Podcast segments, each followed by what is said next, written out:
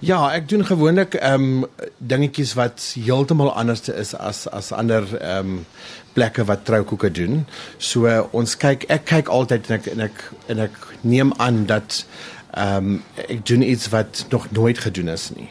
Want dit is altyd wat wat mense aanlok en aantrek na ehm um, jy weet 'n spesifieke troukoek na toe.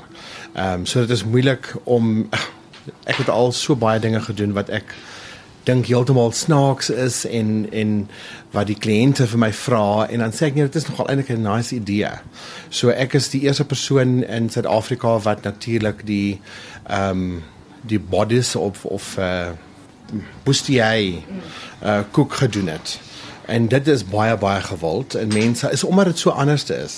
Jy weet hulle hulle soek iets wat heeltemal anderste is en dit is dit is mense kan jou altyd uitleef in wat jy doen en dit is wonderlik. So die bustier het ons gedoen onderste bokoek gedoen wat van klein af onder is en boontoe groter gaan En soos jy sien daar in ons uh, werkskamer daar ook sien jy die die chandelier koek.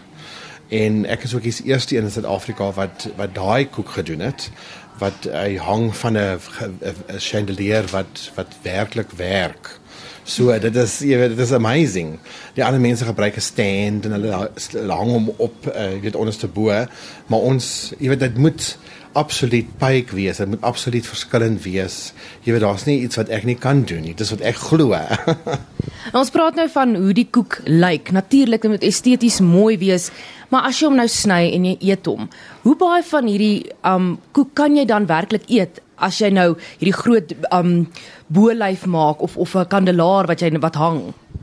Kyk, jy kan jy kan altyd alles koek maak. Jy weet mense moet altyd natuurlik kyk om te sien hoeveel mense word gevoer by die troue. En baie keer is daar so 60, 80, 100 mense en die bruid en bruidegom soek natuurlik 'n groot koek. En die groot koek as dit alles uit koek uit is, dan sal hy natuurlik 3, 4, 500 mense voer. So ons gedeeltes van dit doen ons uit uh, dummy uit of polistireen. En ehm um, ek doen dit so dat die kliënt ook dit kan na die tyd hou en miskien in 'n in 'n glaskas sit en en nou werklik jy weet terugdink aan hulle troudag. So dit is ook baie spesiaal vir hulle. Ja. Maar jy weet ons voer soveel mense wat as wat wat daar is.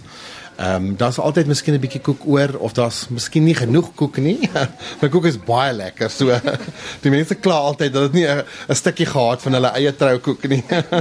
en Dion, nou die gereedskap waarvan jy gebruik maak, een van jou van jou mense staan nou hier, hulle is besig om om te werk. Verduidelik my van die goed wat jy gebruik om hierdie meesterkoeke te maak. Goed, daar's baie dinge wat ons kan gebruik. Ehm um, ek sal miskien vir julle uh, sê dat ons gebruik natuurlik uh, cutters, ehm um, en dit is wat uit metaal uit gemaak is, wat uit plastiek gemaak is. Dan het ons ook ehm um, embossers, ehm um, Embossers is wanneer jy byvoorbeeld 'n patroon op 'n koek wil sit. So dit is 'n plastiese of 'n of 'n rubber uh, stukkie uh, plastiek wat jy wat 'n patroontjie op het. En dan dan emboss jy dit natuurlik op op die op die kit op die icing en dan maak dit die patroontjie op die icing. Ehm um, ander dinge is molds wat ons ook gebruik. Ehm um, ons doen baie blomme ook en die blomme word als handgemaak deur ons hierso. Ons koop niks in nie. En natuurlik jou blomme moet altyd so werklik as as ooit kan lyk. En as dit so goed lyk, dan dan is dit dan maak dit sommer die trouk ook heeltemal anderste. Ehm um, dan het ons ook die basiese tools soos palette knives en en en spatulas en rollers en cutters en jy weet ehm um, sulke dingetjies wat mense al die al die die die simpel goedjies mee doen.